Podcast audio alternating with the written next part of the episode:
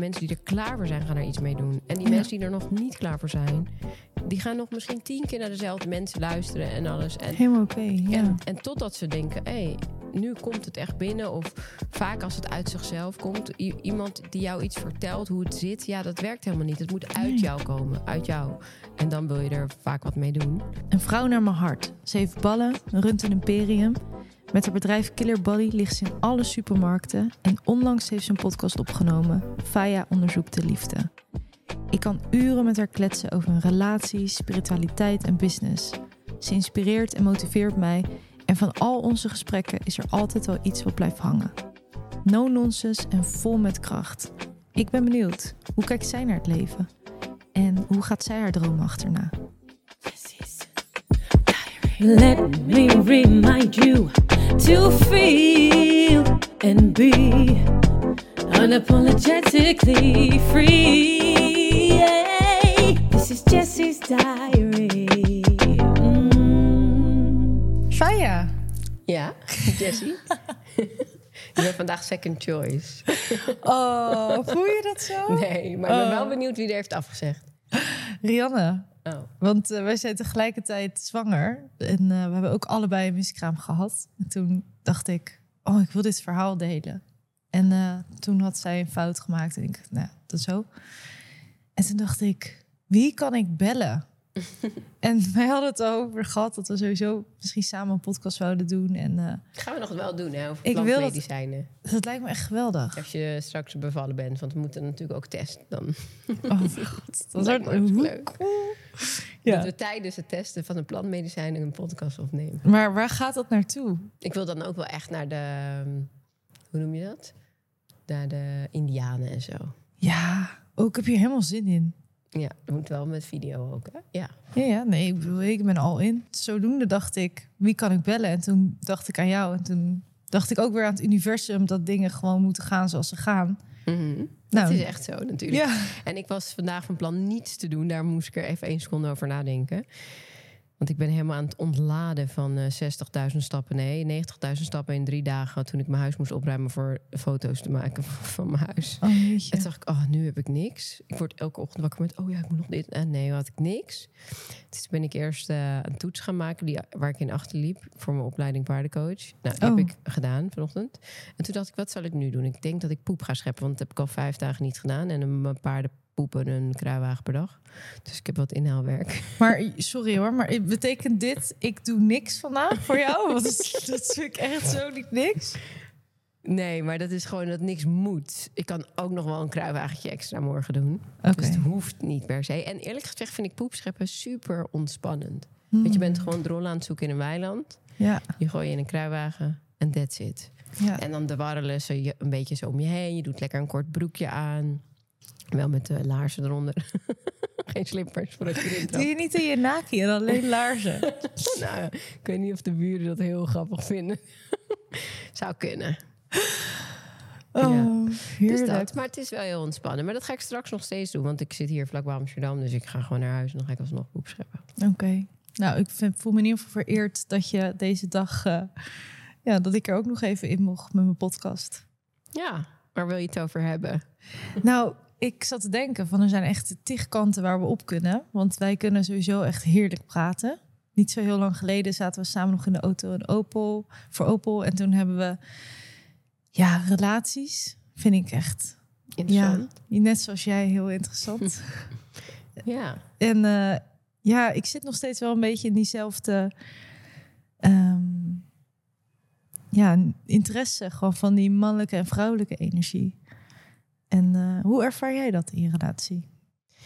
Ik heb voor het eerst in mijn leven eh, een relatie waarin ik me echt gelijkwaardig voel. Maar waarin ik ook heb geleerd dat, eh, hoe je moet ruzie maken. Ik denk dat dat een hele belangrijke is. Ik ben heel benieuwd hoe je moet ruzie maken. Nou ja, eerlijk. En ik denk dat je het niet tot ruzie moet laten uitlopen. Voorheen kropte ik dingen op. Dan gaat het borrelen. Dan gaat het een eigen verhaal leiden. Dan wordt het opeens een heel ander verhaal. Het is ook sowieso allemaal je eigen interpretatie. Er zijn vaak twee waarheden, of eigenlijk altijd. Dus dan, en dan bor, barstte in één keer de bom. Maar dat was ook omdat ik niet goed was in ruzie maken. Dus dan wilde ik het heel niet doen. Omdat ik dacht, dan word ik weer zo boos. Er zat heel veel boosheid onder. Zo'n man kreeg dan echt die hele bakkelende van die twintig relaties ervoor er ook bij. ja, dus die rende echt wel vaak met een staart tussen zijn benen weer weg. Dus dat heb ik geleerd. Nou, ik, ik heb wel eigenlijk eerst heel veel over mezelf geleerd de afgelopen tijd. Ik ben een tijdje alleen geweest, heel veel aan mezelf gewerkt. En dus die woede die Ja. er allemaal onder zat, opgeruimd. Ja. Eh, dus ik denk eerst je eigen thema's echt kennen. Dus waarom doe ik nou wat ik doe? Waarom reageer ik zo? Waarom voelt het zo? Ja. Want een man zegt soms misschien iets onnozels, maar niet dat ze zoveel boosheid. eh, Nee, als jij zo wit heet wordt, dan, dan ligt dat ook altijd voor een gedeelte bij jezelf. Ik denk dat het altijd bij jezelf ligt. Want Mm. jij kiest ervoor om boos te worden. En ergens word je natuurlijk getriggerd door de ander. Maar dat Ja. is iets om naar te kijken bij jezelf. Ja. Waarom triggert die ander mij zo? Hè? Ja. En dat is altijd zo. Kijk, eh, toevallig, eh, ik heb natuurlijk een bedrijf en eh, doet een ander bedrijf doet weer mijn klantservice. Dus dat zijn niet mijn mensen. Ik huur een bedrijf in die de klantservice doet. En dan als dat niet helemaal lekker gaat, dan krijg ik DM's dat de klantservice niet klantgericht is. En dat krijg ik dan best wel vaak, vind ik te vaak. En dan Mm. ga ik dan nu over nadenken. En dan denk ik, waarom voelen die mensen in de klantenservice zich nou beledigd als iemand niet tevreden is?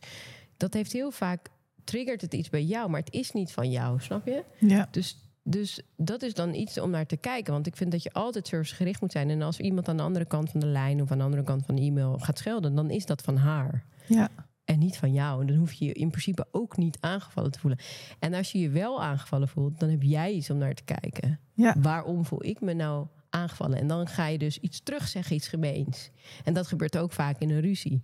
Ja. Je voelt je gekwetst en dan ga je, oh, je- je- ik, ik heb pijn, nou ga ik jou ook pijn doen. Dat denk je dan niet, het gaat allemaal onbewust, maar dat doe je dan wel. Ja. En ik denk dat ik nu heel erg bewust daarvan ben. Dus als ik iets snel terug wil zeggen, dan kan ik nu denken: hé, maar waarom ga je nou dit zeggen? Wat is jouw agenda hierin? Wil jij hem terugpijn doen? Of heeft dit echt, eh, is dit ten goede van onze relatie dat je dit nu gaat zeggen? Dat kan ik nu. En eerst kon ik dat niet. En eerst was ik me daar niet van bewust. Dus nu ben ik gewoon heel goed in ruzie maken, maar het wordt dus eigenlijk geen ruzie. Want ik kan nu echt tot tien tellen en denken: oké, wat voel ik nu en waar komt het vandaan en wat is er nou van mij? En dan, en dan de- denk ik na en dan kom ik later en zeg ik: dit vond ik niet zo leuk omdat ik dit en dit en dit voelde. En wat vind jij? Nou, dan, nou ja, oké.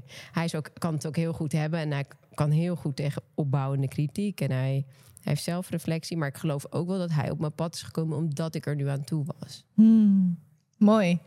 Daarvoor had je hem waarschijnlijk gewoon helemaal niet aangekund, zo'n man. Nee, nou, daar was ik er overheen gewalst. Die was ook met het staart tussen zijn benen weggegaan. Ja, ja, eh, ja, dat is gewoon zo. En nu denk ik, voor hem was ik op het juiste moment ook in zijn leven en andersom. En we leren gewoon heel veel van elkaar. En nu denk ik opeens, wat is het leuk, een relatie. Terwijl daarvoor zei ik, ik hoef nooit meer samen te wonen. En eh, ik heb toch geen man nodig. En dan ga je heel erg in die onafhankelijke, geëmancipeerde energie zitten. Ja, hoe kan een... Aan de ene kant roepen we dat als vrouw. Aan de andere kant worden we boos dat de man niet voor ons zorgt. Nou, exact. Dit is dus ook gewoon een fascinatie die ik er dus mee heb. Omdat ik bij mezelf... Ik ben ook echt opgegroeid met alleen mijn moeder. Ik heb, eh, mijn vader heeft niet echt het juiste voorbeeld gegeven. Daarna zijn er ook een aantal voorbij gekomen waarvan ik echt dacht... Jezus, is dit nou waar we mee moeten doen? Dus mijn hele perceptie van mannen was gewoon best wel fucked up. Waardoor ik ergens onbewust dat het heb gedacht van... Weet je, die mannen die komen en gaan. Uiteindelijk woon ik waarschijnlijk met gewoon drie vriendinnen in een geweldige villa ergens. En dan heb ik het ook helemaal naar mijn zin. Be Maar- careful what you wish for, hè? Nee, nee, dat pad ben ik helemaal af Ah, hoor. oké. Nee. Oké. Maar in ieder geval merkte ik dat dat onbewust, best dat ik dat heel erg meenam. En dat ik daardoor ook heel erg, eh, weet je wel, verharde. Omdat eigenlijk is vrouwelijke energie is echt overgave. En we vinden eigenlijk niks lekkerder om daarin te zitten. Maar ergens is het ook weer doodeng. Ja, maar dat is dus zo mooi. Als je dat doorhebt waarom je het doet, dus waarom je die muur bouwt, waarom je zo zelfstandig wil zijn. Als je dat aan gaat kijken en dat Ja, gaat helen, dan durf je ook weer kwetsbaar te zijn. Ja, Dus daar zit het hem in. En ja, we maken die muur uit bescherming en het heeft ons heel ver gebracht. Alleen als je op een gegeven moment wel een gelijkwaardige relatie wil, dan moet je het ook kwetsbaar durven zijn. Want anders kan zo'n man ook helemaal niet in verbinding met je komen. Dus die Nee. denkt ook, oh, ze moet me niet. Die wordt daar ook weer onzeker van. Die gaat dan weer aandacht zoeken bij anderen. Want die wil ook weer gezien worden en gehoord worden. Ja. Dus ik denk dat het belangrijk is dat je echt je eigen thema's kent. En dat je, natuurlijk, als je een vader hebt gehad die afwezig is geweest. en een moeder hebt gezien die altijd moest knokken. dan denk je, zie je, mannen zijn niet te vertrouwen. En dan ga je onbewust naar bewijs zoeken dat mannen niet te vertrouwen zijn. Ja. En dan krijg je continu het bewijs. Totdat je zegt, oh, ik denk dat mannen wel te vertrouwen zijn. Ik had op een gegeven moment ging ik inner child healing doen. En toen kregen we zo'n opdracht van... wat is nou van jou en wat is nou van de andere? Ga daar eens naar kijken. Wat, is, wat denk je dat ehm, jouw kernwaarden zijn? En wat zijn misschien kernwaarden die je van je ouders... of je opvoeders hebt meegenomen... die eigenlijk niet van jou zijn? En daar heb ik nog nooit over nagedacht. En toen dacht ik opeens aan dat mijn vader zei... nooit mannen vertrouwen, altijd op je eigen benen staan. Dus dat heeft hij als kind. Hij was er niet heel veel. Maar ondertussen was hij ook weg en niet te vertrouwen. Ja. En ehm, was mijn moeder iedere keer aan het struggelen met haar vier kinderen alleen. Dus dacht ik, zie je, dat heb ik zo ingeprent gekregen. Dat heb ik altijd geloofd. En toen dacht ik, hé, hey, dat ga ik nu teruggeven. Want het wordt tijd dat ik wel een man durf te vertrouwen. Want als ik dit blijf geloven, dan wordt mijn leven nooit leuk met een man. Nee. Dus dat moest ik even bewust van worden. En het ook bewust teruggeven aan mijn vader of aan het universum. Ik heb weer van Els geleerd dat je iets niet terug moet geven aan je ouders, maar aan, het, aan de bron. Want anders hou je het in het systeem. Hmm. Dus dan, eh, dat heb ik gedaan. Heb ik een ritueeltje over, opgedaan. En, en nu ook bewust gekozen voor... Ik, ja, ik vertrouw wel. Mijn man vertrouw ik. En we kunnen het overal over hebben. Ja. Hoe ziet zo'n ritueeltje voor jou eruit? Nou, vooral met heel veel wierook. ja, ik doe heel veel met Sali.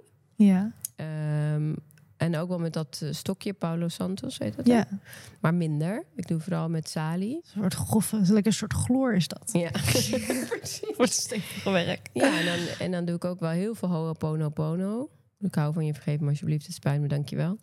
Dus dat zet ik ook vaak heel hard op. Bijvoorbeeld eh, een ho'oponopono nummer door het hele huis of zo. Ja. En dan ga ik met mijn bier ook door het huis. Of ik doe het van binnen met een mantra nog. Of, eh, eh, ja, maar ik, ik heb zelfs, zeg maar, bijvoorbeeld attributen ben ik dan aan het reinigen. Dan ga ik er omheen nog, als het bijvoorbeeld van iemand is geweest. Ik draag ook geen tweedehands kleding, geen tweedehands sieraden. Alles heeft die vibratie van die persoon. Hmm. En eh, ja, ik wil gewoon zo schoon mogelijk. En ik, ik doe het nu wel vaker. Ik heb het ook laatst in mijn zaak heel veel gedaan. eh, nadat we een shift hebben gehad in personeel. En ja, bijna de dag daarna ging mijn omzet omhoog. En alles stroomt. En alle partijen die eerst geen oor hadden naar samenwerking, die komen nu. Want ja, je moet gewoon goed nadenken over met wie je werkt. Wat hun eh, toegevoegde waarde is. En wat ze meenemen aan energie ook. Ja, want vertel eens. Neem ons even mee door jou. Want hoe ik jou ken, vind ik je echt... Je bent in mijn ogen wel echt een powerhouse. Ook als het gaat om, weet je wel, gewoon zeggen wat je denkt. eh, ergens voor helemaal voor gaan. Je gooit jezelf erin. Je maakt het gewoon. Je laat het lukken. En als je dus nu terugkijkt van... ehm, bijvoorbeeld met Killer Body, hoe, die hele, hoe je je hele bedrijf hebt neergezet. Wat zijn dan echt de dingen waarvan je denkt... Als ik het overnieuw kon doen, dan... Of niet overnieuw, maar meer van... ehm, als ik nu... Ja, met de kennis die ik nu heb, hoe zou je hem dan starten? dat is ook weer een stukje kwetsbaar durven zijn.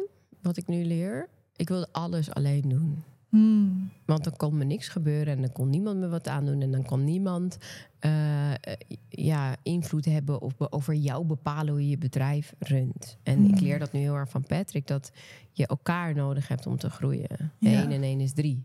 Dus het was veel sneller gegaan als ik dat, als ik hulp had durven vragen. Want Mooi. hulp durven vragen eh, heb ik vanuit huis uit gewoon niet gedaan, omdat ik gewoon heb meegemaakt van je moet het allemaal alleen doen. En dat was echt mijn thema. Dus niet alleen op relatiegebied durfde ik geen hulp te ontvangen of kon ik dat niet. Maar ook zakelijk dacht ik, doe het alleen, wacht maar, weet je wel. En dat thema kwam omdat mijn vader zei, jij hebt geen talent en eh, je kunt niks. En dat zei hij achteraf gezien wel, omdat hij dacht dat ik wel talent had. Dat heb ik wel ontdekt. Het was een beetje meer zijn manier van mij nog meer pushen. Het heeft Oh, me ja. ook veel gepusht, want ik wilde dat schouderklopje. En uiteindelijk, toen ik erachter kwam dat dat mijn thema was, dat gezien willen worden door die vader die dat zei en afwezig was, kon ik het ook loslaten. En nu leer ik op mijn werk hulp te vragen. Dat vind ik soms ingewikkeld, maar ehm, sinds kort ben ik daar echt wel mee bezig en laat ik het ook toe. En wat je dus ziet, is dat er hulp komt. Dus Hm. nu komen er echt serieuze mensen op mijn pad. En daardoor ga je gewoon veel sneller. Ja. En als je kijkt ook naar de nieuwe generatie, hoe die een bedrijf bouwen, ja, dat gaat allemaal veel sneller, weet je wel. En ik doe alles zelf. En ik ben echt begonnen met mijn eigen website bouwen, mijn eigen klantenservice, alles. Wat, Alles heb je zelf gedaan. alles in mijn bedrijf heb ik zelf gedaan. En we hebben alles zelf uitgevonden. Ja, eh, aan de supermarkt leveren, hoe moet dat dan? Alles zelf uitgevonden. Soms zeggen mensen, ben jij zelf leverancier? Ja, wij doen alles zelf. En ik heb ook al die stappen in dat bedrijf zelf gedaan. Dus ik weet ook overal wat van. Alleen, ik weet wat ik weet. En niet meer dan dat. Dus als je wil groeien, heb je meer kennis Ja. nodig. En heb je dus mensen nodig die het beter weten dan jij. Want anders blijf je op hetzelfde niveau. Dus toen ik daar eindelijk voor open stond en het aandurfde ook... Ja, toen kwam er ook hulp.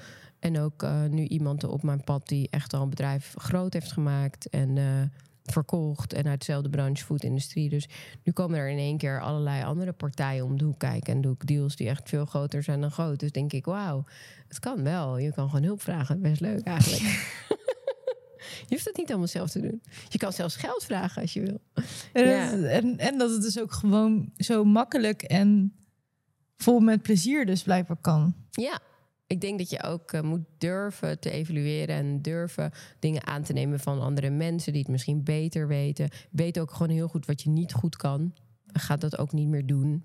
Vraag dat gewoon aan anderen. Ik denk dat dat heel belangrijk is, dat je dat goed moet weten wat je niet kan, waar je niet goed in bent in een bedrijf.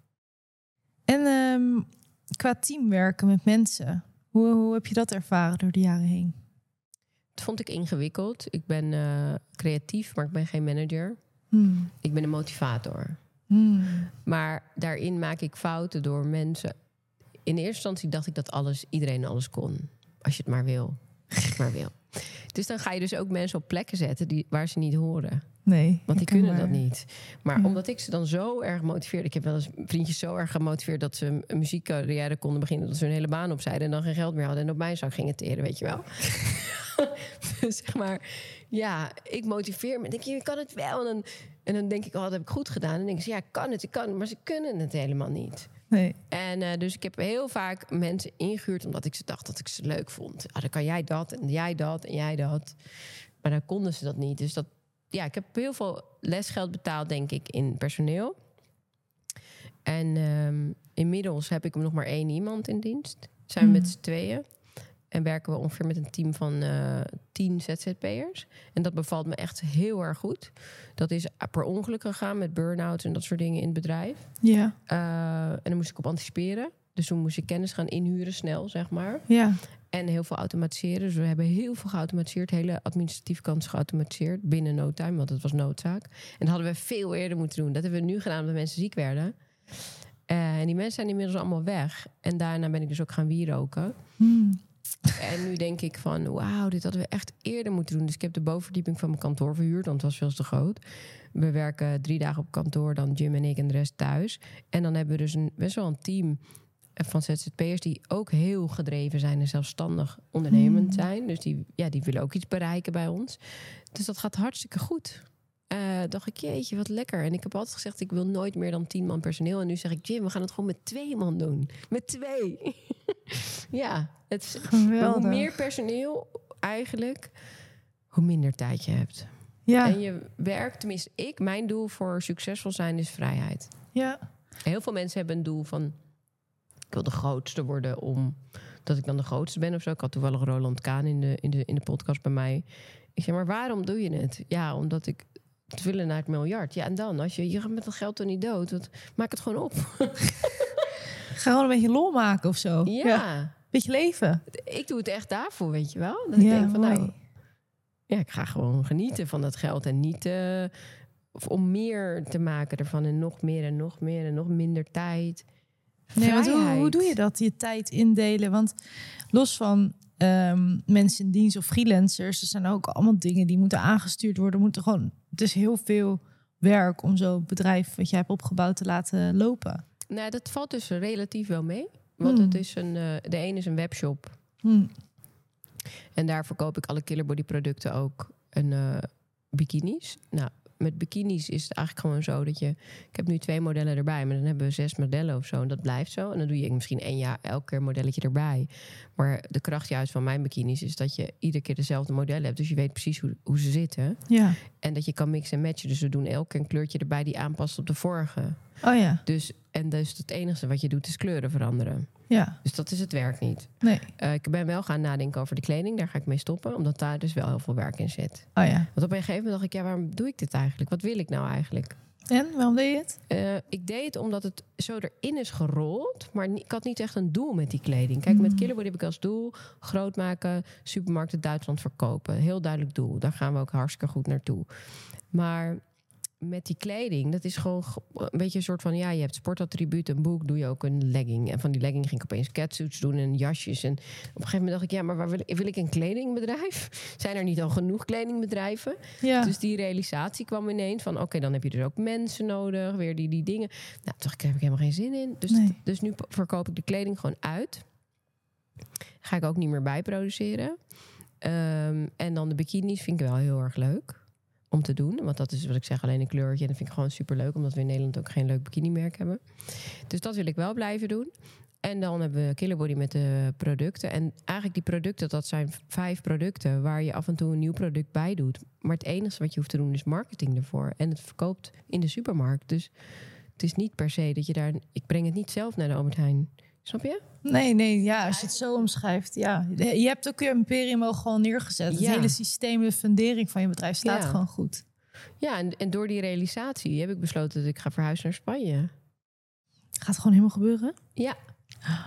Ja, we gaan nu kijken al volgende week in Malaga naar huis. Naar een paar huizen. Wat geweldig. Het, ik hoef hier niet meer te zijn. Nee, joh. En, en het leven is nu, hè? Ja. Niet, niet als Nee. dan of dan of dan. Of als je dit of dat. Het is nu. Dus ik dacht, ja, in Nederland eh, wonen hoeft niet meer. Want ik heb niet een heel groot team om aan te sturen. En met Jim kunnen we gewoon online doen. En die ZZP'ers werken allemaal thuis. Ze zitten in Limburg en overal. Ja, Dus ehm, de productontwikkeling doe ik dan zelf. Ik doe zelf sales. Maar Ja. sales gaat allemaal tegenwoordig gewoon via Teams. Weet je? En dan ga ik wel één week per maand naar Nederland voor mijn afspraken. ja. Maar dan ga ik eh, wel in Spanje wonen. Worden we een soort buren. Ja, ik, ik dacht ik ga niet Ibiza doen, want het is toch een eiland en ik wil mijn paarden mee. En Ja, vind ik dan toch te Maar klein. Malaga was geweldig. We waren er toen samen. Ik was, ik was echt... verliefd geworden daarop toen. Toen? Toen ben ik er verliefd op geworden. Niet waar? Ja, Nee, ik vond het ook echt waanzinnig. Dus ik snap het helemaal. het is zo mooi daar. En het voelde Ja. een beetje zoals Zuid-Afrika of zo. Nou, echt net Kaapstad. Ja, Met die bergen. Ja, nee, ik snap het helemaal. Ik dacht, je hoeft helemaal niet naar Zuid-Afrika. Het is gewoon in Malaga. ja, dus ik heb ook echt super veel zin in. Oh, wat goed, lieverd. Ja. Ik ben helemaal blij voor je. En ik ga dus samen een huis kopen. Dat is ook echt een next level. Ja, joh. Wie had dat nou gedacht? Nou, dat had ik niet eh, per se gedacht dat ik dat ooit zou durven. Maar ik vind het nu echt het leukste wat er is. En jij? Hoe gaat het met jou? In Spanje ben je in Ibiza. Ja, ik ben ook heel gelukkig daar. Voelt dat niet als klein? daar? Nee, ik hou van klein. Ik, eh, ik heb hier op de Utrechtse Dwarsstraat negen jaar gewoond. Ik denk dat ik niet verder kwam dan een straal van vijf kilometer. Ik had alles in de buurt. Ik vind het heerlijk. Oh ja. Dus nee, ik word daar heel gelukkig van, van dat kleine. Ik voel me heel fijn op een eiland ook. Nee, dat past helemaal bij me. Ik ben lekker om de hoek bij San Carlos, een dorpje. Helemaal Oh ja. kneuterig. Ja. En, eh en Kai vliegt dan wel nog veel heen en weer, of niet? Die gaat één keer in de maand. Meestal vier, vier dagen of zo. Oh ja, dat ga ik ook doen. Ja. Ja. En dan eh, ramt hij het helemaal vol en dan komt hij weer terug naar huis. En dan doet hij daar niks. Eh, jawel, maar hij moet veel bellen. Hij het vindt, het- vindt het ook wel heel grappig hoe iedereen ook weer anders onderneemt. Kai die zit eigenlijk in een aantal bedrijven, heeft hij aandelen, maar hij hoeft niks zelf helemaal aan te sturen. Dus hij, sorry, is eigenlijk gewoon een beetje de, hoe zeg je dat? Heel vaak adviesorgaan. Of weet je, hij moet heel Oh veel dingen aanzwengelen. En daar is hij super goed in. En eh, ja, zo doet hij dat. Oh, wat goed. En ik vind het dus ook heel interessant met ondernemen hoe iedereen weer zo zijn eigen mojo vindt wat echt bij hem past. Ja. En soms kan ik daar wel eens naar kijken en denk ik, jeetje kerel, dat heb je echt goed gedaan. Want je, je, je bent gewoon de hele dag aan het bellen en hij houdt van bellen. Heel de dag belt hij. Nou ja, hele dag. Ik vind dat. Hij, hij houdt van bellen, ja. Ik, Ik hou haat bellen. en hij kan gewoon zo hop, tjak, tjak, tjak. Weet je wel, zo hop, alles zo aanzwengelen. Ja. En dan, eh, ja, dan heeft hij natuurlijk projecten soms en dan kijkt hij daar helemaal in. En eh, ik doe dat weer ja, ik ben weer veel meer soort van eh, met Chifloor bezig om ja, dat heel erg water te geven en zonlicht wat het nodig heeft. Dus veel meer een proces of zo. Ja. Sowieso is het een spiritueel platform. Dus ik merk, spiritueel platform, ik begin een beetje, dat woord eh, klopt niet meer helemaal, maar Waarom klopt het niet? ja, ik begin een beetje. ehm, ehm, ik merk dat spiritualiteit gewoon heel erg het leven is. Dus ik vind het lading die op het woord spiritueel ligt, vind ik niet meer helemaal kloppend voor hetgeen wat ik doe. Want hoe meer ik leer, hoe meer ik erachter kom, hoe erg het gewoon allemaal zich hier afspeelt in die processen en minder een soort van in alle, hoe zeg je dat? Luchtledige.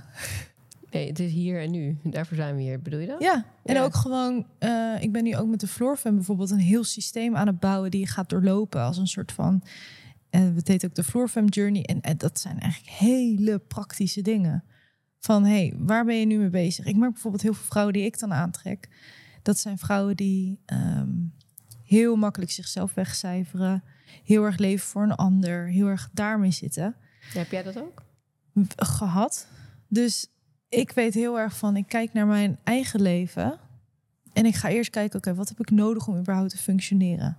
Nou, goed slapen, gewoon echt de basics. En als je jezelf dat dus wat meer gaat gunnen... en dat dus ook onderdeel van je planning maakt... behalve alleen maar alles wat je moet van de wereld, werken, Mhm. dingen... dan ehm, merk je eigenlijk dat je alles al veel meer in flow gaat komen. En vaak in het spirituele ga je heel erg daar kijken. En dan krijg je geweldige inzichten. Begrijp me niet verkeerd. Ik heb wel super mooie ayahuasca-reizen gedaan. Daar heb ik ook heel veel inzicht aan gehad. En ik ben ook helemaal niet vies van zo'n uitstapje. Alleen uiteindelijk moeten we het wel hier doen. Mhm. Ja, dat is wel grappig dat je dat zegt. Want je ziet zo'n hele verschuiving van mensen die continu dat aan het doen zijn. Ook iedere keer nog meer ayahuasca's moeten Ja. doen. Ehm, maar uiteindelijk gaat het om inderdaad het hier en nu. En ook daadkrachtig zijn om de dingen die je ziet, in wat voor trip dan ook, Ja, om die dan ook aan te pakken. Hè? Want vaak is het een soort bewustwordingsproces waar je in je ziet, hé, hey, ik heb verlatingsangst omdat ik zag dat mijn moeder me in de wieg liet liggen. Of eh, ik, ik had het dan eh, een psilocybine gedaan en dan zag ik dat ik nog wat trauma niet had verwerkt. En, toen, en dan moet je daarna wel nog daarmee aan de slag gaan. Het is niet per se, kan misschien wel een stukje al zijn verwerkt in die, in die sessie, maar het is vaak niet helemaal opgeruimd. nee, juist brengt- niet En dan moet eigenlijk. je het nog gaan doen. Ja, En dat is waar mensen heel vaak het ook niet doen. nee, en ik merk dus dat ik me daar ook een beetje aan begin te storen. Omdat heel veel mensen lezen heel veel en luisteren heel veel podcasts. En die weten dus heel veel met hun hoofd het allemaal leuk na te vertellen. Maar als je het niet belichaamt en niet doet, dan heb je er gewoon echt helemaal niks aan. En ik merk dat ook bij mij in de community, in de sessies die gehost worden door de experts, maar ook die ik zelf doe. Dat ik mensen terug zie komen en dan vraag ik ook van wat heb je nou, wat heb je gedaan? Heb je, heb je er iets van opgepakt van de opdrachten? En dan zie ik dat mensen die het doen, die gaan allemaal die transformatie aan. En die gaan er doorheen. En dan zie je dus ook gewoon dat het voor iedereen werkt. Dit is gewoon hoe, een soort van hoe het leven werkt. Maar als je ervoor kiest om het allemaal aan te horen, maar uiteindelijk niet die stappen te zetten. je, ja, dan zie je die mensen ook, al- dat vind ik dan heel grappig, overal weer terug. Dus die gaan dan ook ieder jaar naar Michael Pilagic of ieder keer naar Ja. Abraham Hicks. Ik was bij Abraham Hicks geweest Ja, en dan waren er mensen in de hot seat. Ken je Abraham Hicks? ja, ja, Ja. zeker. En, en die zeiden, ja, last time when I was in a hot seat, dacht ik, huh? Was je al hier een keer in een hot seat? En er zijn allemaal mensen ook daar bij Jay Shetty die voorin zaten dan daar en die daar dan iedere keer weer zitten. En dan denk ik, Ja. hè, maar wat gaat er dan mis? Ja, en het kan ook heel mooi zijn dat het jouw stok achter de deur is. Ja, maar en dat dat je er naar uitkijkt en dat het, dat het je telkens weer iets nieuws geeft. Alleen uiteindelijk, weet je, hoe meer ik erover leer, hoe meer al die wijsheid, en het zijn al die, die clichés, maar die zitten echt in jou. En jij voelt feilloos ergens aan wat jouw volgende stap is. En soms is dat dus niet iets heel spiritueels, maar is dat gewoon letterlijk gewoon tegen iedereen zeggen: fuck off. En ik ga nu voor mezelf kiezen Mhm. bij wijze van spreken. Weet je, het zit hem in zoveel Ja. in het doen. Het zit hem in het doen. En Ja, het is heel interessant om de vraag aan jezelf te stellen: waarom doe ik het niet? Ja. Ik denk dat het daar zit. dat is een mooie. Waarom doe ik het niet? Want eh, da- dat is het thema eigenlijk. Heb je een voorbeeld ervan dat je iets in je leven tegenaan liep waarvan je heel bewust voelde van ik doe dit niet, maar ik weet eigenlijk dat ik het wel moet doen? Eh, nou, ik ben sowieso heel erg bewust van alles wat ik doe de laatste tijd. Ik doe de opleiding paardencoach, equine assistant paardencoach. En ehm, daarin moet je tijdens de hele opleiding vooral bezig zijn met waarom je doet wat je doet en wat je eigen agenda is. Als je iemand coacht ook, heel vaak schuilt er een eigen agenda in. Hmm. En ehm, ik had dan, ik moet dan iedere week oefensessies doen met mensen. En voor, de, voor het examen moet ik er nog tien of zo nu. En wat ik dus deed is, ik had een oproep gedaan op Instagram. Nou, ik krijg natuurlijk allemaal aanmeldingen. Ik heb geen één iemand gebeld. Want? Ja, daar ging ik dus naar kijken waarom ik dat dus niet deed. En dat had weer met mijn eigen agenda te maken met het gezien worden. Want ik dacht dat ik dat al heel erg had opgelost. Maar ik deed dus allemaal familie en vrienden, hè? De hele Ah. tijd coachen. Die het eigenlijk niet vroegen. Dus daar heb je ook niet zoveel aan, want die willen zelf niet. Dan ga jij aan iemand zeggen, wil je paardencoach worden? Maar dat betekent eigenlijk dat diegene zelf nog niet echt klaar is om gecoacht te worden. Weet je wel? Ja, ja. Dus toen. ehm, en familie en vrienden vinden al vaak dat je het goed doet. Mijn moeder zegt: Oh, je bent zo goed, Fai. Mam, geef even echte feedback. oh, je bent zo'n goede coach. Dus toen dacht ik: waarom bel ik nou al die vreemde mensen niet? Het ging ik dus naar kijken. En toen dacht ik: Oké, dat is dus omdat ik bang dat ben dat ik niet goed genoeg ben. Snap je? Dus dat is mijn thema uiteindelijk. Dus dat gezien willen worden. Eigenlijk alles wat je doet, mijn huis, de carrière, was allemaal van kijk mij eigenlijk. Hmm. En eh, als je dan iemand naar je toe komt voor een coaching sessie en die vindt het niet leuk. Ja. Of die vindt het niet goed. Dat is best wel spannend. Ja, Maar ja, ik heb vandaag dus iedereen ge- teruggemaild. Ik heb alles ingepland. op jouw dag dat je niks zou doen. Ja. Wauw, wat een productieve dag heb jij vandaag. Ja, ik heb het allemaal. Ik vond, vond het ook heel leuk. En er zaten best wel heftig ehm, vragen bij. Dus dat vond ik ook Hmm. spannend. Ik, normaal hebben wij ook intervisies met onze mede. Eh, eh, opleidingsmensen om te bespreken, weet je wel. En nu had ik ook even naar iemand geappt van die al paardencoach is. Kan ik van tevoren even, normaal bespreek je achteraf. Ja, Er was iemand met een eetstoornis. Dat vind ik dan wel pittig meteen ja, voor, snap ik. voor iemand in opleiding. Dus daar wil ik wel even voor bespreken, zeg maar, met eh, iemand die dat al langer doet. Ja, Maar ik vind het wel heel erg mooi. En ja, dus je kan jezelf eigenlijk afvragen. Je, je, ergens onbewust ontwijk je iets. Wil je iets niet doen? Doe je iets? Het werkt niet, weet je wel.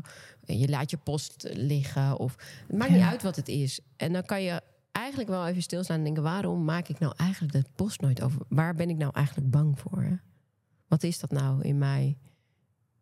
Want die rekeningen lopen niet weg. Dus wat zit daaronder? Hmm. Weet je, wat, wat is er met geld met mij, wat me bezighoudt? Eh, is het angst voor tekort of weet ik het allemaal? Dus er zit altijd wat onder. Moet je, gewoon je, je moet gewoon jezelf bevragen. ja, bevragen. Ja, dat is heel mooi. En ik leer heel veel van die opleiding. Dus we hebben dus ook, zeg maar, afgelopen maand voice dialogue geleerd. Dus ik en mijn ikke. Dus je hebt ontzettend veel ik. En je hebt die ik die zegt, ja, ga maar lekker liggen. Je hebt het verdiend. En je hebt die ik die zegt, nee, je moet echt nog het gras maaien of de poep scheppen, want die tuin ziet er niet uit. Of die ik die zegt, doe maar een wijntje. Ja. En die ander zegt, nee, dat is niet goed voor je, je zou sporten, weet je wel. Dus dat is heel grappig, dat je dus die ik hebt en dat je, dat je er wel meerdere hebt. En als je die dus gaat ontdekken, wie dat dan zijn hè, en wat hun ehm, intentie is, kan je ze ook uitvragen. Dan zeg je gewoon tegen diegene die een wijntje wil, oké, nou, vertel maar waarom wil je nu een wijntje? Ja. Dan kan je gewoon antwoord geven aan jezelf. Oké, en nu laat ik, luister ik even naar mijn andere ik. En waarom zeg jij dat we het niet moeten doen? en weet je, het mooie is, je bent geen van beide van die ik. Je bent de waarnemer die naar die ik luistert. En wij identificeren ons continu met die gedachten, maar we zijn dat helemaal niet. Dus als je dat doorhebt dat je dat niet bent, kan je gewoon zeggen, nou, dan kies ik de andere ik. Ik als waarnemer, als toch, ja, voor dit. Want ik vind dat jouw argumenten toch niet zo sterk zijn. ja, dat is su- super grappig. Hoe noem je nou ook weer iemand met al die stemmen in zijn hoofd? Schizofreen. Maar we hebben het allemaal. Dat, je bent geen schizofreen hoor. Nee, maar ik bedoel te zeggen van eigenlijk zijn we dat dus wel allemaal een beetje. Want we hebben zoveel Ja, maar de, verschillende... de schizofreen eh, weet niet van de ene ik dat de andere bestaat. Dus als je dan, dan zo'n echt zo'n eh, psychische ziekte hebt, dan word je de een en dan weet je niet meer dat de ander. Nee, het was ook maar een beetje een geintje of fijn. Maar we hebben er heel veel. Ja, En als jij bijvoorbeeld eh, uit een opvoeding komt waar, waar je in je heel hard moest werken, dat je uit school meteen moest helpen in het restaurant en alles, dan wordt jij, jou, jou en ik, die vindt dat jij heel hard moet werken en minder mag rusten, wordt dan groter. Hmm. Snap je? Dus door te weten ook waar het vandaan komt. Van oké, als jij vroeger nee, werken, werken. Ik moet heel hard werken. Mijn vader zei ook altijd, ja, je moet, als je je juni kan betalen, niet kleiner gewoon maar harder gaan werken. ja. dan denk je altijd, oh, ik moet heel hard werken om geld te verdienen. Ja. Totdat je je bewust wordt van waar komt dat nou eigenlijk vandaan, hè? Die persoonlijkheid, die ik. Oh, die komt bij mijn vader vandaan en bij mijn opvoeding. Oké, mag ik die laten gaan nu? Want kan je ook op een andere manier geld verdienen door niet heel hard te werken, maar misschien heel slim. Ja. Ja, dat bestaat ook. ja, op het moment dat jij dat weer gaat geloven, dat dat gewoon dus wel een realiteit is, dan gaat zich dat ook gewoon laten Ja. zien. Dat is dat ik nu hulp vraag, we durven te vragen en opeens allemaal hulp aankomt. Ja. Waaien, echt letterlijk. Kan ik jou helpen? Ik vind dat je een heel mooi bedrijf hebt. letterlijk dit. En ik wil je graag helpen. En ik heb deze expertise en deze en deze en deze track record. Maar ik wil jou graag helpen. Ja, Echt? Wil je mij helpen? Ja. Wil je helpen? Nou, dankjewel. Kom maar dan. ja leuk. Let's go. Grap, bijzonder hè? Ja. En kun je nog wat meer vertellen over die paardencoaching? Want hoe die ik bijvoorbeeld, hoe... Nou, vertel eens gewoon eens over die opleiding. Waarom ben je het gaan doen? En, en Ik ben het gaan doen omdat ik zelf een paar jaar geleden, ik denk een jaar of vier geleden, door middel van het paard erachter kwam dat ik gezien wilde worden. Dus ik eh, had als vraag waarom ik mensen altijd help en ongevraagd. oh ja. En dat kwam eruit. En toen dacht ik, gezien worden, ik word toch gezien. Ik wie je bent, ik ben filehouders. ja, het paard is gek, man. Ik snap er niks van. maar het kwam echt zo'n soort van ploep, zo, in mijn hoofd. Als een ingeving die niet van mij was. Oh ja, mooi. En toen ehm, ben ik daarna gaan kijken. Die dag daarna heb ik ayahuasca gedaan. En toen liet ayahuasca zien hoe vaak ik het dus deed. De hele tijd wat ongevraagd advies. Ik dacht alleen de grote lijnen, dat ik iemand zijn huis wilde opruimen of weet ik wel wat. Maar ik deed de hele dag door. En dat liet moeder ayahuasca zien. En toen schaamde ik me zo erg na afloop van die ayahuasca. Toen wou ik echt tegen iedereen sorry zeggen dat ik zo'n bemoeial was. Dus ze heeft echt geen no mercy gewoon. Ah, wow, ik doe dit gewoon de hele dag van s ochtends tot s avonds.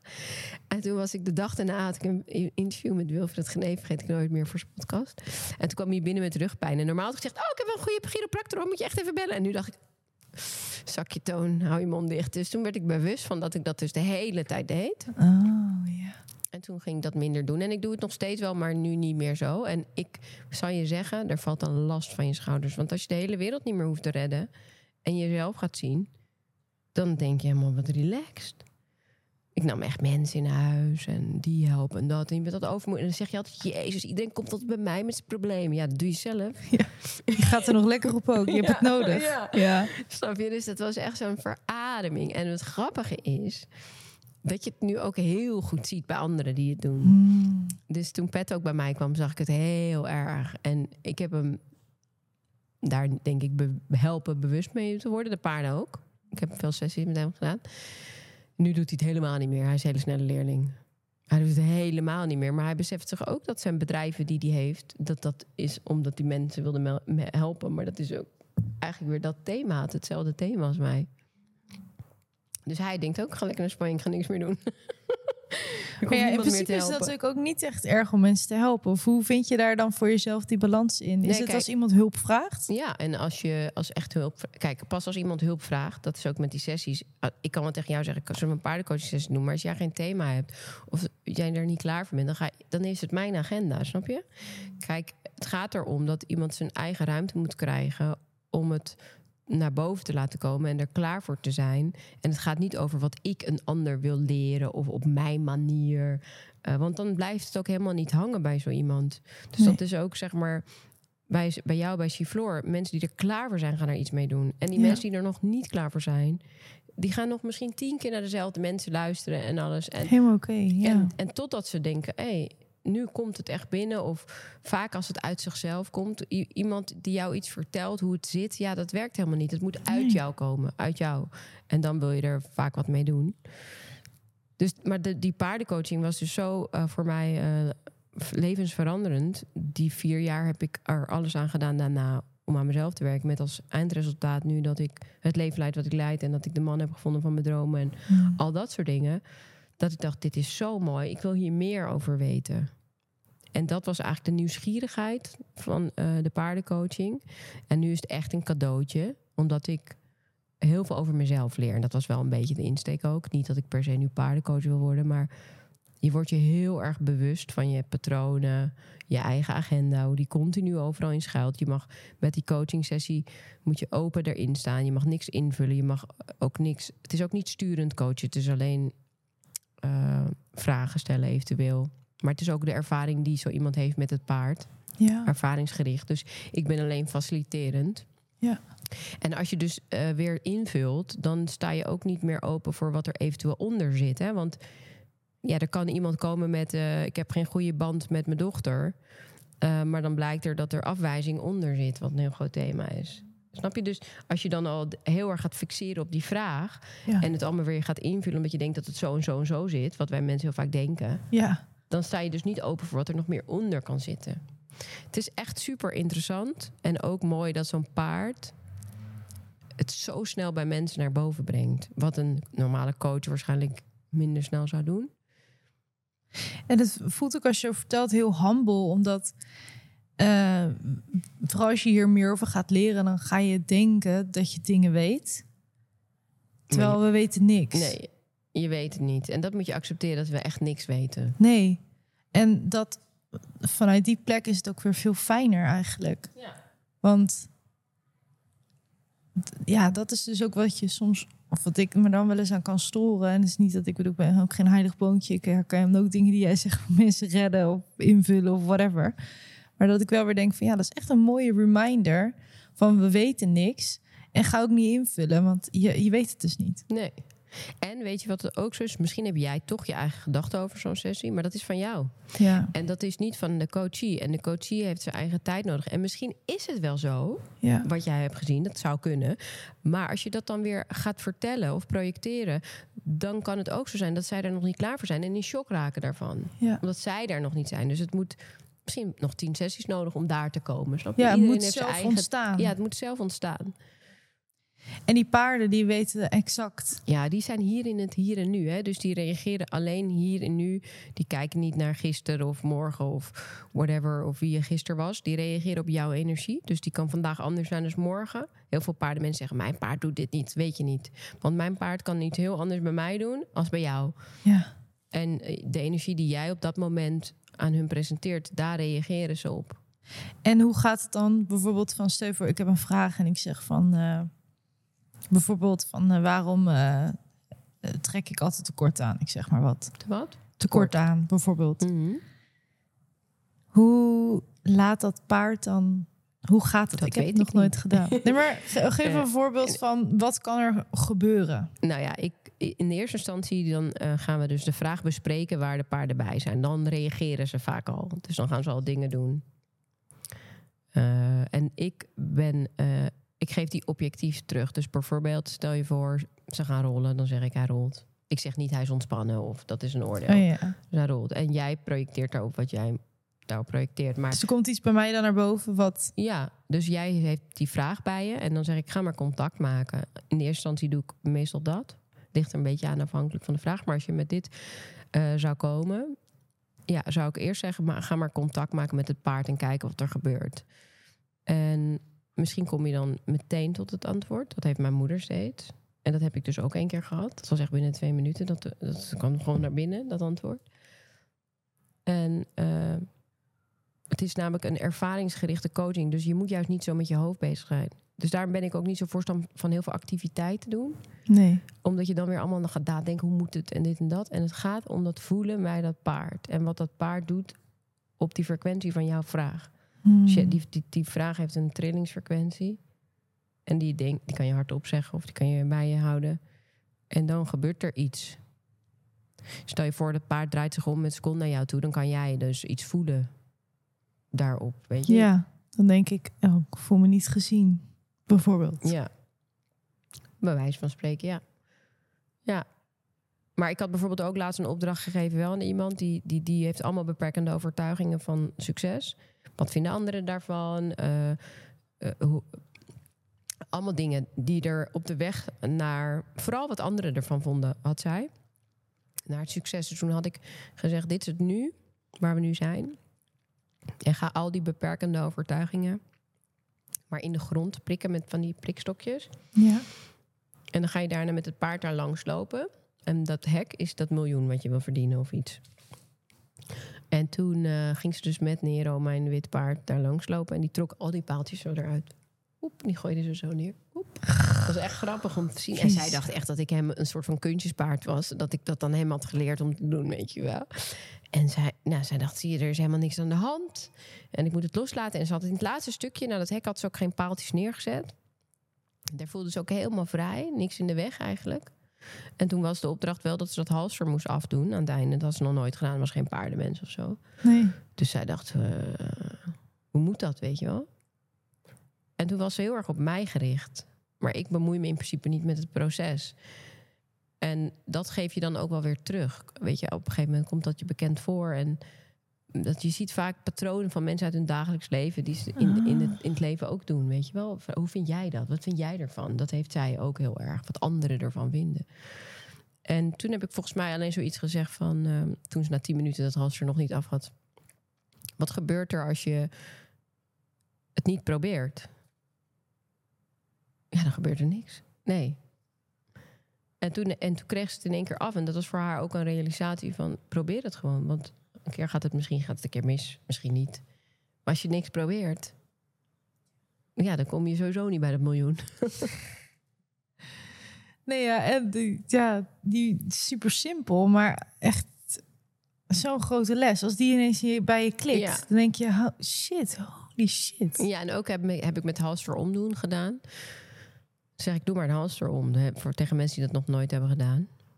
En dan, eh, ja, dat lukt niet. Altijd. En toen eh, lukte dat dus niet. Twee keer heb ik dit gedaan bij twee meiden waarbij het echt niet lukt. En die hebben allebei staan huilen. En dit had allemaal te maken met doorzetten. Uiteindelijk lukte het wel. En daar kwam allebei bij hun door van gewoon een keer doorgaan. En niet opgeven op de helft als het niet lukt. En ze werden boos, jongen. Die ene werd echt boos. Die dacht echt, godverdomme. Want hij gaat dan... Het is wel grappig, hè. Want hij gaat dan happen in het halster bij hun allebei.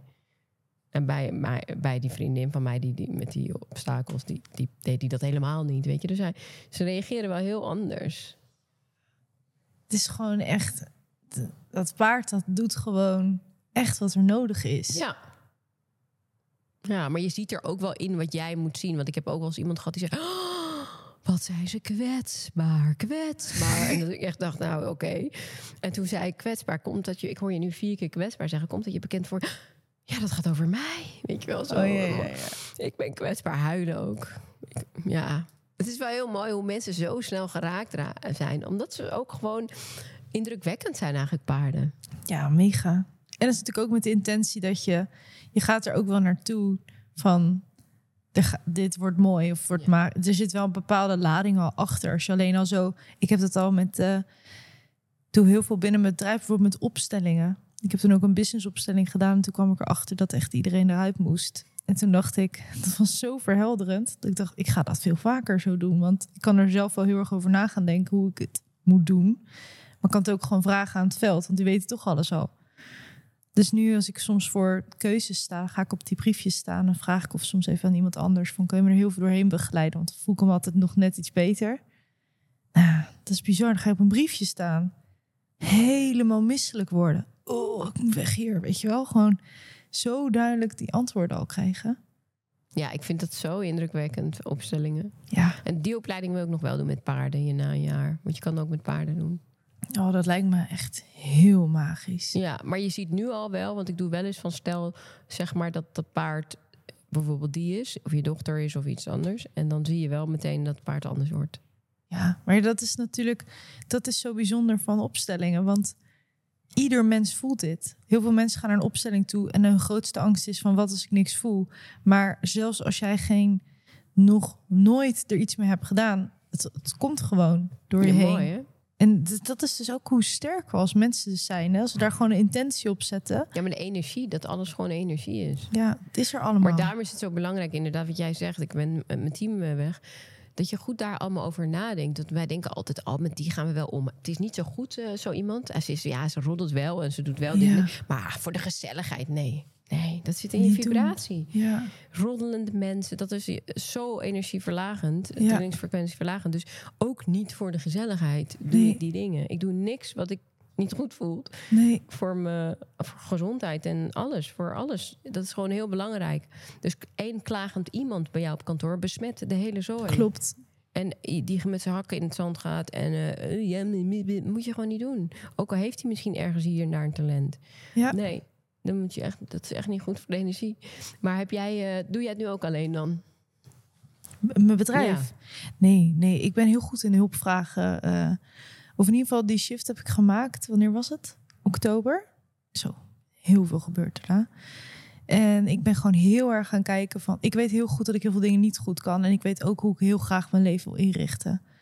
En ik wil dit doen. Ik wil verhalen vertellen. Ik wil verbinden met mensen die, ja, die ik inspirerend vind. Ik wil tijd hebben om te voelen wat er nodig is. Waar kan ik van dienst zijn? Wat vind ik tof om te creëren? Gewoon echt daarin zitten. En ik vind ondernemen zelf ook heel erg leuk. Maar heel veel uitvoerende taken liggen me dus gewoon niet. Dat weet ik. En het duurt, het duurt heel lang als ik het doe. Het gaat niet goed als ik het doe. Het kost me knijter veel energie. Dus ehm, ik ben nu heel bewust aan het kijken van... oké, wie haal ik erbij die dat wel heel goed kan... en die daar helemaal aan op gaat. Want ik ga ook aan op mijn team die aangaat. Ja, Dus ik wil elkaar gewoon aanzetten. En lekker gaan. Gewoon, dit is tof. En dan vind ik het ook heel leuk om voor mijn team bijvoorbeeld dingen te organiseren. Dat we ook binnen het team groeien. Weet je wel, dat soort dingen, dat vind ik leuk. ja. En ik moest heel erg door een stuk heen van... ehm, wanneer ben je een goede ondernemer? Wanneer vind jij jezelf een goede ondernemer? Nou, Want daar Ik- gaat dit toch over? Ja, maar ik dacht dat je een soort van hele strenge, zakelijke, beetje emotieloos persoon moest zijn om een goede ondernemer te zijn. Dat was het beeld dat ik in mijn hoofd had ervan. Waarom? Waar kwam dat vandaan? Ehm, omdat ik gewoon keek naar, eh, dat was gewoon mijn beeld van succesvolle mensen. Dat ze een bepaalde hardheid hadden. En eh, al die, die dingen van zakelijk en privé kan je niet met elkaar mixen. En bij mij ontstond dat wel altijd. En dan zeiden mensen al tegen mij, ja, Jessie is te lief. Dus ik had dat heel erg van mezelf, van ik ben te lief en ik ben een pleaser. En dat was ik al zo. Maar dat ben ik gaan aankijken, waar komt dat dan vandaan en waarom doe ik dat? En toen ben ik het anders gaan doen. Dus echt gaan toepassen. En nu merk ik dat ik dat veel beter kan. En dat ik eigenlijk heel veel dingen wel vanuit liefde doe. Maar please is geen liefde. Dus nu als ik voel van ja, het klopt niet. Ik vind het een gek mens, maar ergens klopt die gewoon niet op deze manier. En ik leg het gewoon uit wat ik erbij voel. En ik doe heel veel op gevoel. En dat zou ik altijd blijven doen, want zo ben ik nou helemaal. Dan zie ik dat die ander dat ook begrijpt. Of niet. En dat is ook oké. Maar die moest ik wel even. Daar moest ik even doorheen. En nu begin ik dus in te zien van wow, maar ook bijvoorbeeld met die opstellingen. Ik ben echt voor mijn gevoel een hele nieuwe manier van ondernemen juist aan het creëren. Die helemaal los staat van het oude. Maar gewoon op een totaal nieuwe visie een bedrijf te bouwen. Van laten we vanuit, kijk, überhaupt de gedachte van wat is er nodig? Maar doe jij je bedrijf bouwen voor financiële redenen of echt omdat je het leuk vindt? Of vind je het ook wel belangrijk dat je er geld mee verdient? Ik vind het echt heel leuk, maar ik vind ook dat ik er geld aan mag verdienen. Maar geld is nooit bij mij. Ik, ik ga niet aan op bijvoorbeeld, ik wil een miljoen verdienen. Dat is niet iets waarvan ik iedere dag wakker word en dat ik dan mijn bed uitspring en ik denk, hier doe ik het voor. Ik word heel gelukkig bijvoorbeeld van dat event. Ik word heel blij als ik zie dat, dat wat ik voel, wat er nodig is en wat voor mij werkt, als ik dat kan toepassen en dat ik dat dan terugzie ergens en dat ik zie van, oh, dit werkt voor mensen. Dat vind ik vet. En maar ik vind ook dat ik daar geld aan mag verdienen, want ik stop hier echt mijn hele zielzaligheid in met heel veel liefde. Mhm. Maar de gedachte dat je daar dus dan geen geld mee mag verdienen, Maar dat wie zegt ik- dat, dat dat niet mag? Ehm, ja, wie zegt het eigenlijk? Het is gewoon zo'n soort van verhaal, toch? Ik bedoel, eh, Is het zo?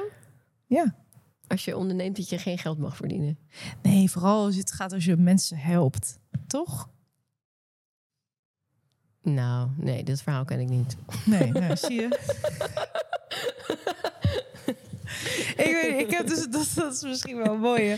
Dat, of in ieder geval, laat ik het zo, ik krijg het soms teruggespiegeld in mijn DM bijvoorbeeld. Van mensen die dan eh, het idee hebben dat ik een soort kwakzalver ben. Die, eh, dat, dat niet vaak, maar ik krijg daar wel berichtjes over. Ja, dus van hun. Ja, nee, dat is ook zo. Ja. Nee, ja, daar, daar, stuur ik verder mijn leven ook niet op. Maar ik bedoel meer gewoon te zeggen van... ik vind dat iedereen, ik geloof, laat ik zo zeggen, er is heel veel geld in de wereld. En eh, ik, mijn wens is dat het juist terechtkomt bij mensen die daar iets liefdevols en iets goeds mee doen voor de wereld. En die Mhm. mogen van mij heel veel geld verdienen. En, Ja, ja. soms zou, eh, nee, vind, doen mensen alsof geld vies is of zo. Maar dat, dat ken ik wel, weet je wel. En helemaal in dat spirituele hoekje. precies. Dat ja, dat ik. het vies is of zo. Maar dat vind ik echt onzin. Nee. Er is, ja, er is genoeg. Het ligt op de straat. Gewoon opvegen zo. Ja, vertel eens, voor mensen die dus nu luisteren denken van ja, wij, eh, het ligt op de straat. Hoezo? Ik kom het nooit tegen. Hoe, hoe is jouw visie op geld en hoe... Nou, ik denk dat dat dus echt tussen je oren zit. Dus als jij denkt eh, dat er niet genoeg is... of dat je er heel hard voor moet werken... eigenlijk alles wat jij gelooft wordt de werkelijkheid. Ja, Ehm, dus de, heel vaak hebben we die thema's meegekregen vanuit onze opvoeding. Dus daar zou ik naar kijken. Want eh, mensen die allemaal zeggen dat, dat je ergens niet geld aan mag verdienen... of dat mensen in dure auto's rijden... of moet je hun nou zien, dat gaat vaak over. Dat is vaak jaloezie. Dat, is, dat, dat zit eronder. Dat, ja, dat heeft iets met hun te maken. Dat maakt niet uit, maar word er gewoon bewust van. Want ergens wil je het ook. En dat mag. En je mag er ook even jaloers om zijn. Iedereen is wel eens jaloers. Ik denk dat dat ook iets is wat je niet te streng op mag zijn, hoeft te zijn. Maar ehm, ik denk dat op het moment dat je dat gaat oplossen bij jezelf... of daar anders naar gaat kijken, oh, naar dat geldstukje... en dat je eh, in het weiland zo gaat staan en kom maar binnen... ik ben klaar om te ontvangen... dan komt het. Ja, wij willen het altijd helemaal gaan uitrekenen hoe, hoe het er dan moet komen. En dan er zijn natuurlijk ook heel veel boeken over dat je precies het bedragen moet weten en zo. Daar ben ik niet helemaal van. Ik ben wel van doelen stellen. Dus Ja. ik, ik, ik denk niet van dat, dat merk je bij die mensen die dan bijvoorbeeld naar zo'n miljoen willen, maar die gaan dan tussen hier en het miljoen de hele tijd denken: ja, maar hoe? En waar moet het vandaan komen? En dat zijn allemaal, eh, ja, maar zo, eh, is er niet iemand anders die dit al doet? Weet je, al dat soort gedachten die blokkeren dat het miljoen er nooit komt. nee, Klaar. Gaat niet gebeuren als je dit soort dingen denkt. nee. Dus denk gewoon aan dat miljoen of dat succesvolle bedrijf. En, en denk dat het mag komen en dat je er klaar voor bent om het te ontvangen. En niet al die stappen die je daarvoor moet nemen. Kom wel in een beweging. Dus bijvoorbeeld, je wil een eh, webshop. Begin wel met je webshop bouwen. Ja. Maar ga niet over een ander nadenken, concurrentie nadenken. Nooit je aandacht aan concurrentie eh, geven. Dus alleen maar op je doel af. En dan zul je zien dat er op je pad, als je het kunt zien, want je moet wel je ogen open doen, komen er dus kansen.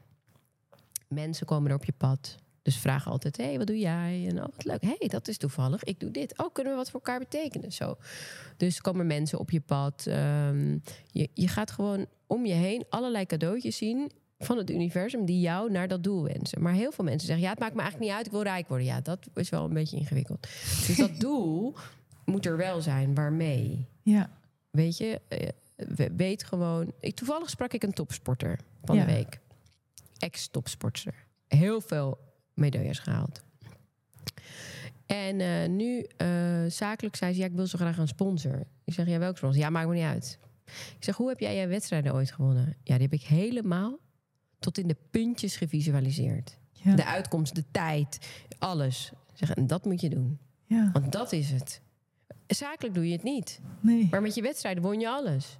En daar zit het hem in. Dus je moet dat doel hebben. Dus hoe ga ik het doen, hoeft niet. Maar wel bijvoorbeeld, ik, wil, ik weet van, van bijvoorbeeld, om naar, even naar mezelf te vertalen met Killerbody. Ik wist, ik wil producten in de supermarkt. Ja, Ik wist, dat moet niet te duur zijn, dus een reep. Ik wist, ik wil overal liggen. En ik wist, ik wil naar Duitsland en mijn bedrijf verkopen. Ja. Ik ging niet nadenken van hoe produceer ik dat papiertje en wat moet er allemaal. Al die dingen, dat komt later. Ik wil een, een reep, punt. De rest zien we wel. ja, Nou, vanuit daar ga je verder. Oké, nou, het belangrijkste is de smaak. Nou, fabriek gevonden, samples laten maken. Oké, dan ga je naar de supermarkt. Stap voor stap. ja, En, en dan, wat ik bedoel met mensen die dan op je pad komen... dan kom je alweer iemand tegen die zegt... hé, hey, ik heb een contact bij Kruidvat. Ja. Zal ik je even connecten? Dat soort mensen kom ja je dan dat tegen. gaat ontstaan. Dat gaat dan ontstaan. Dus het doel is gewoon repen op alle mogelijke plekken. Nou, dan ga je stap voor stap. En dan kom je ook in die goede flow. Hè? Dan denk je, ja, we hebben een reep. Oh, Kruidvat Willem. Jumbo Willem. Oh, lekker man. Oké, en dan ga je eens nadenken over de verpakking. Oh, ik moet een ontwerper hebben. Hé, hey, ik ken nog wel een ontwerper. Weet je? Oh, die kan dat. En dan gaat het, dan gaat het gewoon rollen. Ja, En als je gaat nadenken, shit, supermarkt, oh, wetgeving, oh, eh, oh, oh, oh, oh, oh, oh, ja, dan, dan kom je nog ineens van je bank af. nee. Dan heb je alweer, begin gewoon vast. Weet je, heel veel mensen die willen ook wachten tot alles helemaal is uitgekoud. Nee, heeft iemand anders dan al op de markt gebracht. Begin gewoon. Tuurlijk kan je echt eerst een ondernemingsplan maken en een budgettering en een dit en een dat. En dan eindelijk een keer gaan beginnen. Maar je kan ook gewoon beginnen. Ja, en vaak zie je ook dat dan begin je met een bepaald idee en vaak Verandert het. verandert het. Ja, En dan along the way denk je, ik had al die stapjes nodig. ja. Om te zijn waar ik nu ben. Ja, Gewoon beginnen. En geloven erin. En als je de hele tijd last hebt van die beperkende overtuigingen en die gedachten, onderzoek ze eens. Wat leveren ze je op? Hmm. Waarom heb ik ze? Hoe doe je dat? Om dat te onderzoeken? Nou, dus, dus wat brengen ze je? Hè? Dus die, die, die beperkende over, overtuigingen van waarom je niet moet ondernemen. Want Ja. stel je nou voor dat je failliet gaat. Of stel je, dat zijn dingen die houden je veilig. Die houden je in je comfortzone. Maar dat is niet waar de groei plaatsvindt. Nee. Dus dan moet je stretchen uit je comfortzone. Dat is heel spannend. heb ik ook gehad. Ik, moest, ik heb in één keer heel veel geld van de bank geleend. Ik moest mijn huis meetekenen. Allemaal dat soort dingen. Dat is spannend. Moet Ja. je in je droom geloven. Heb je geen tijd om te twijfelen, want je hebt je huis meegetekend. Snap je? Ga maar gewoon rechtdoor. Maar er is ook geen mens die niet daar doorheen is gegaan. Nee, en het is heel vervelend soms. Oncomfortabel eventjes. Ja. Maar daarna, als je er doorheen bent, denk je... wow, het is me gelukt. Volgende stap wordt weer een beetje on- oncomfortabel. Ja. En soms zak je weer een stukje terug, maar het gaat altijd zo. Uiteindelijk Ja. ga je wel omhoog.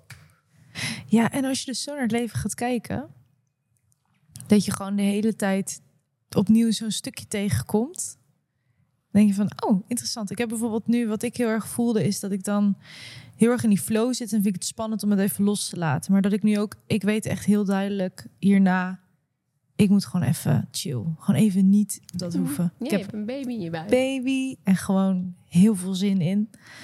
En dan merk ik toch dat er zo'n stemmetje dan weer opkomt. Die denkt van, oh, maar dat is ook wel heel leuk. En dat moet je nog even doen. En dat, en dat moet je nog even, nog even dit. en wat doe jij dan? Nou, soms heb ik het dus niet door. En op een gegeven moment ga ik me dan slecht voelen. En dan merk ik vooral bijvoorbeeld met Kai dat ik heel vaak hetzelfde ga zeggen. Dus dan hoor ik mezelf tegen hem klagen. Of, of, of zeggen, ik ben moe, het is te veel. En waarom belandt het in dit? En dan herken ik dat. Ik denk, oh, interessant. En dan ga ik dus ook inderdaad kijken naar wat is dan de overtuiging? Waar ligt dan die angst? Is het dan het idee dat als ik nu een stapje terug zou doen, dat bijvoorbeeld eh, dat er niet genoeg staat en dat dan eh, allemaal mensen mijn leden weggaan omdat ik er zelf niet meer ben? Bijvoorbeeld, dat is dan een ding wat door mijn hoofd heen gaat. Ehm, of Ja, en wat doe je daar dan aan? Dat is, dat is, een, dat is een mooie. Dus de, je, dat is een, een, misschien een angst. ja, Is dat dan eh, gegronde angst? Is het realistisch? Ehm, nou, ik voel wel dat er bijvoorbeeld nog een paar stappen gedaan moeten worden. En dat ik daardoor gewoon, dat ik dan denk van, oh, dan heb ik het ook netjes achtergelaten. Want ik, ik met small community, snap ik kan dat niet eh, in één keer loslaten. Omdat, eh, nou ja, dat, Dat je een baby krijgt. Ja, maar ik ga dat wel doen. Maar ik vind dat ik ook nog even daar aandacht in mag stoppen. Ja. Dat ik ook nog logisch, gewoon goed mijn, mijn, Ja. mijn team En achterlaat. dat kan nog. Ja, dat, dat kan. Dus ik moet alleen kijken van waar ligt die dan precies. Dus dat ga ik dan gewoon onderzoeken voor mezelf. En ehm, dan kom ik er steeds meer bijvoorbeeld achter dat het veel dieper ligt dan dat. En dat het is van. ehm, ja, misschien ben ik ook wel onbewust bang voor de stilte die dan komt. Omdat ik eigenlijk zo gewend ben om te gaan. Weet je, jeetje, hoe, hoe gaat het dan even zijn als ik dat niet meer zou doen? En dan denk ik, oh, dat vind ik eigenlijk ook best wel spannend. En daar zit dus weer dat oncomfortabele stukje in. Om gewoon juist te zeggen van, ik ga nu even de stilte opzoeken. Omdat waarschijnlijk, onbewust, zijn er ook dingen die zich dan gaan aandienen. Waar ik dus onbewust gewoon eigenlijk helemaal geen trek in heb. Mhm. En als ik nog lekker doordender, dan eh, heb ik daar minder last van. Nou, en als je daar dus meer bewust van bent, dan denk je, oké, nou ik kies er alsnog voor om juist daarin te gaan en ik zie het wel. Ja, mooi. Dus zo kan je jezelf begeleiden door die dingen heen. En dat is ook zo mooi, want ik weet zeker dat ik die hier uit ga komen met zoiets waardevols weer. En ik heb geen idee wat dat gaat zijn, wat het me op gaat leveren, behalve natuurlijk de baby. Maar los van de baby, gewoon dat moment van naar binnen gaan, die stilte opzoeken, gewoon durven los te laten en weten dat ik gedragen word. Dat gaat me ergens, gaat dit me weer iets geweldigs opleveren. Ja, mooi. Ja. Ik ben heel erg buiten adem. Sorry, mijn longen zit echt in mijn nek. Maar het is ook zo dat het is wel mooi dat je dat zegt. Want ik denk dat het voor heel veel mensen geldt. Dat ze Mm. Altijd maar in de ratrace zitten en altijd maar aan het werk zijn. En altijd maar heel veel geld willen bijvoorbeeld verdienen omdat ze bang zijn dat ze tekort komen Ja. zitten. Maar ergens zijn ze echt bang voor die rust, omdat dan ze lopen ergens voor weg. Ja. En ik heb dat ook jaren gedaan. Dus je loopt eigenlijk weg voor je trauma's, je dingen. En de een doet het met drugs, en de ander doet het met werken, en de ander Ja. doet het met seks, en de ander doet het weer met sporten. Doen ook heel veel mensen. Sportverslaafd. Als ik maar niet met mezelf, zonder iets hoef te zijn. Ja. We zijn er ook helemaal niet meer in getraind. We hebben natuurlijk zoveel afleiding. Die telefoon alleen al. Hoe vaak... Bijvoorbeeld vroeger zat je op de bus te wachten. En dan zat je op dat bankje. Ja. Gewoon om je heen te kijken en te wachten tot de bus kwam. Weet je hoe peaceful dat is? Ik heb laatst gewoon een paar dagen geen telefoon gehad. En hoe voelde dat? Oh man, wat is dat heerlijk. Ik vond het leven zo overzichtelijk. En dat ik ineens dacht, jeetje, wat, wat heb ik daar toch eigenlijk last van? En heel vaak denk ik ook dat dingen mij niet zo raken, maar onbewust. Ik kijk niks meer van die nieuwsdingen allemaal. Nee, maar ook DM's en ook lieve berichtjes, maar ook eh, eh, mensen sturen mij hele intense dingen. Dat vind ik ook helemaal niet erg. Die zijn er ook welkom, maar ik had nooit door dat hoeveel dat met mij eigenlijk deed op een dag. Om gewoon te horen van, weet ik veel, mensen die ofwel suicidale gedachten hebben en die laat ik niet hangen. Snap je? Daar voel ik dan toch van, ik eh, moet, moet eventjes iets sturen. En dat zijn wel hele intense dingen die binnenkomen, maar ook gewoon hele liefdevolle dingen. Dat is ook iets wat ik moet processen, bijvoorbeeld. Ik had eigenlijk nooit door dat dat zoveel invloed op me had. Ja, dat, dat zuigt je energie. Nou ja, het is vooral dan ook wel heel belangrijk om af en toe daar even van uit te stappen. En ook gewoon even helemaal dus gewoon in het leven te staan. Niet te veel met die telefoon. Ik denk dat dat sowieso iets is wat we allemaal veel vaker mogen doen. Echt verslavend is het. En gewoon echt in die stilte. Ga maar even, ga je vervelen even. Gewoon dat je even zit van, "Pff, ik weet even niet wat ik moet voor mezelf. en dat maar is met de jeugd goed. is het wel heel... Ik, ik kan het wel hoor, goed zonder mijn telefoon. Ik heb ook al mijn notificaties uit. Maar eh, mijn zoon van 15, ik denk wel eens, waar gaat het heen? Ja, dat vind ik ook best een angstige. Met dat hele AI, AI AI. ja, Ja, gebeuren. AI, ja. Vind ik ook, ik durf die knop niet eens aan te tikken. Ik denk, ik weet helemaal niet of ik hier aan mee wil doen. Ik Oh nee, is wel heel handig hoor. Ja, Even zeker voor... eh, ik ben dan dyslectisch, allemaal blogs na te kijken. Top. ja. Oh. Ja. Ik ben er wel blij om dat dat er is. Maar ik vind het heel eh, kwalijk wat, eh, wat er nog meer allemaal aankomt. Vooral een beetje een typemachine. Oké, maar als we straks met een bril op vakantie gaan... en niet meer in een vliegtuig stappen... dat vind ik dan wel heftig.